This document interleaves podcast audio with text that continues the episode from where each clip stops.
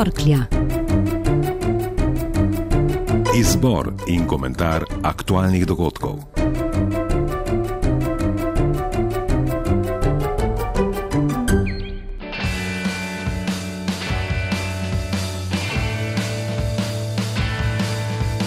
Nacionalni inštitut za javno zdravje je razglasil izbruh ošpic v Sloveniji.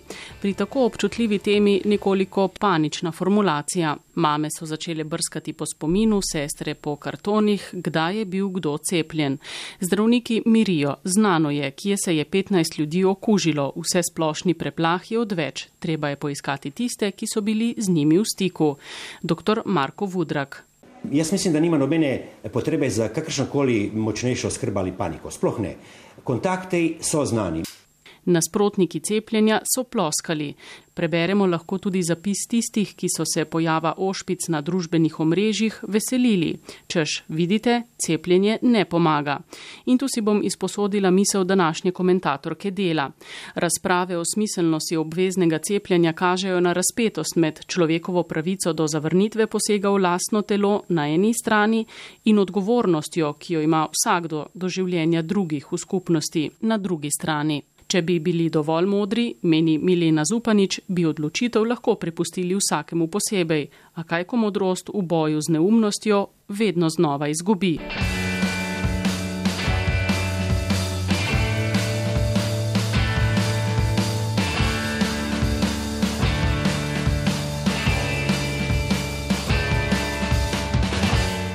Sindikati javnega sektorja so na pogajanjih o varčevalnih ukrepih za prihodnje leto na mizo dali svoj zadnji predlog in vladi prepustili odločitev, ali ga sprejme ali sledi konflikt.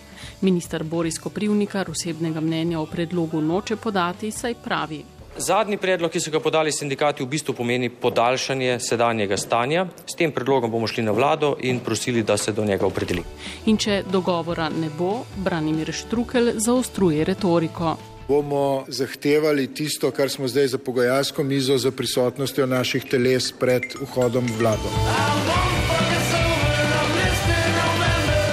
Vrtoglavo visoke plače v slabi banki so pustile slab priokus. A ne delajmo si utvar, vse vlade od ustanovitve so to dopuščale.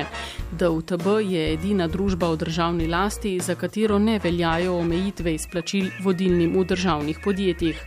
Zato se ob izjavi nekdanje predsednice vlade le nasmehnemo.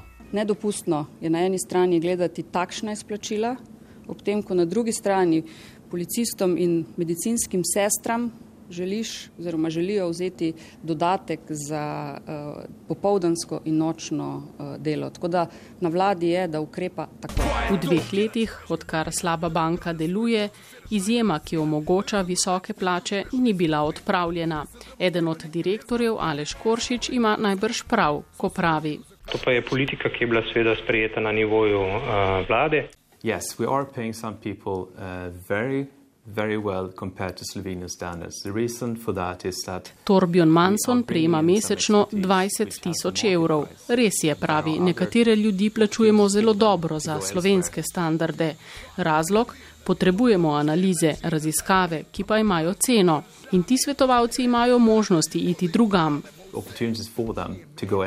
V Sloveniji tako visokih plač nismo vajeni. Mogoče bi nas v upravičenost znesko prepričali le, če bi pokazali rezultate, česar pa slaba banka še ni storila. Eno leto se je sestavljala, šele zdaj pa je najavila, da bo začela prodajati na njo prenešeno premoženje. Prašiči da prašiče!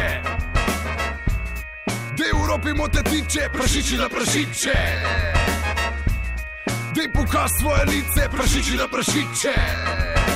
Vrnite nam, to so naše kinte, prasi na prase. Je, yeah, kje se skrivate pod lase? Sprejeta je reforma študentskega dela. Delodajalce bodo plačevali prispevek v zdravstveno in pokojninsko blagajno, vanjo bodo svoje deleže prispevali tudi mladi. Študent ali dijak ne bo smel prijeti manj kot 4,5 evra bruto na uro. Te novosti naj bi v praksi zaživele z novim letom. In kaj o njih meni nekaj študentov, ki smo jih srečali v Kopru? Ja, pač v redu je, da je, je približno 4 evre na uro, kar je bilo prej pač naprimer okoli 3 evre, to je absolutno premalo sploh za študente. Bojo menj študente zaposlovali. Menim, da bo to fajn za študente. ker bojo imeli, pač nekateri so do zdaj imeli manjšo plačo in da bo zdaj saj neka minimalna plača še kar velika. Um, ja, pač vse jih je boljši, kot da bi pokojninska doba se štela sam z redno zaposlitvijo in ne študentski deli. Zdaj ministrico Anjo Kopač Mrak čaka še eno zelo kislo jabolko - volontersko neplačano pripravništvo. Čeprav se mladi strinjajo, da gre skoraj že za suženski odnos, so ga pripravljeni opravljati. Zato, ker ga potrebujem, da se lahko potem zaposlim. Vse je. Itak rabimo in za zaposlitev pa še ena fajna izkušnja za zraven. Ne, zaradi tega, ker se mi ne zdi pravilno, da nas izkoriščajo. Načeloma ne, ampak glede na to, v kakšnih časih živimo, se, se bomo očitno mladi mogli sparjazati tudi s tem. Every time I make a run, girl, you turn around and cry. I ask myself why, oh why. Slovenija se je končno začela ukvarjati z vprašanjem Palestine. Pobuda je v državni zbor prišla od strank, ne od vlade. Predsednik Miro Cerar si je želel drugače. Če tukaj Slovenija ne bo ravnala odgovorno, premišljeno, si bo še znižala raven kredibilnosti v mednarodnem prostoru. Če pa bo ravnala, kot sem rekel, odgovorno in premišljeno, bo pa lahko seveda okrepila svojo vlogo v EU in v svetu. Obžalujem, da se je včeraj v državnem zboru v zvezi s to tematiko pojavila motnja, eh, neka razprava, ki nikakor ne sodi sploh ne v državni zbor, kaj šele v okvir neke dostojne razprave o tako pomembni temi, kot je priznanje neke tuje države. Pobudo o priznanju Palestine kot neodvisne in suverene države je podalo zavezništvo Alenke Bratušek. Razpravo o priznanju Palestine je prva zahtevala Združena levica, kjer pa zavezništvu očitajo nabiranje političnih točk. Kar nekaj jih je pridobil, čeprav jih verjetno ne zbira papež Frančišek, ki je obiskal Evropski parlament. Opozoril je na težave migrantov, ki skušajo boljše življenje najti na stari celini, pri čemer je okrcal evropsko migracijsko politiko. L'Europa sarà in grado di far fronte alle problematiche connesse all'immigrazione. Papež pravi, da se bo Evropa lahko spopadla s težavami priseljencev takrat, ko bo znala uveljaviti svojo kulturno istovetnost in sprejeti ustrezne zakone za zaščito pravic evropskih državljanov in sprejetje priseljencev.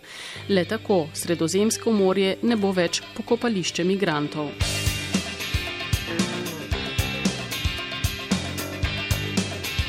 Ministr za gospodarstvo bo zdravko počivalšek ali bolje rečeno, direktor Termolimija je kandidat za ministra. Izkušnje so nas naučile, da kandidat še ni nujno minister. Predsednik vlade o tem, zakaj smo morali na ime čakati preveč časa. Gospod Počivalšek je bil zagotovo eden od favoritov, da se tako izrazim, ki pa je potreboval nekoliko več časa za sprejem odločitve, kajti kot veste, odgovorno in uspešno vodi zelo ugledno in uh, pomembno uh, torej, rekel, podjetje in seveda ni želel, da bi sprejel odločitev na hitro in podjetje prepustil v neki negotovosti. Zato sem mu moral da čas za te zadeve izpeljati.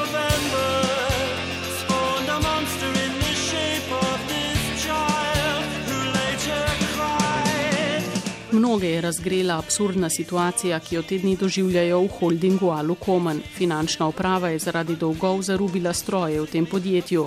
Da imajo dolgove, da ne plačujejo tistega, kar bi morali, v Alukomnu ne zanikajo. A dodajajo, vse bi poravnali, če bi od projekta Dunajski kristali dobili denar, ki jim ga dolgujejo, tudi država. Predsednik uprave Branko Terčon. Če mi pridemo do tega denarja, ker nam ga država dolžna, mi nismo dolžni nobenemu nič ne bankam, ne dobaviteljem, ne Dursu. Kristalno logično razmišljanje ne pomaga, saj smo zakonodajo delovanje te države zakomplicirali do skrajnosti. Kar ti jemlje leva, nima veze z desno, ki bi ti morala dati. Na Fursu sicer pravijo, da so ravnali pravilno in da so se trudili, da bi se izteklo drugače.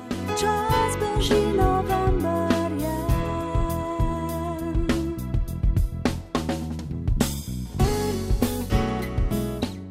Ni se končalo, kot bi želeli. Prevažali naj bi sadje, a so imeli v torbah še nekaj drugega. Nekaj, kar bi na trgu lahko končni kupec prodal bistveno dražje kot tone pomaranč. Tovornjak so ustavili zaradi cestnih prekrškov, naleteli pa na enega večjih zasegov kokaina. Vodja sektorja kriminalistične policije Dejan Jurič. Se pravi, skupno cirka 175 kg bruto težek prepovedane droge kokain. V primeru prodaje te celotne količine na drobno bi si lahko storilci obetali tudi protipravno premožensko korist do 14 milijonov evrov. Koperski kriminalisti medtem iščejo končnega prevzemnika prepovedane droge. Domnevajo, da je bil njen cilj prav Slovenija.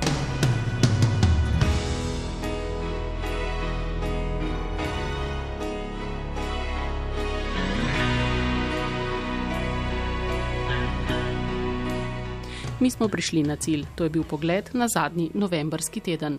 Pripravila sva ga Armando Šturman in Tjaša Škamperle. Nothing forever.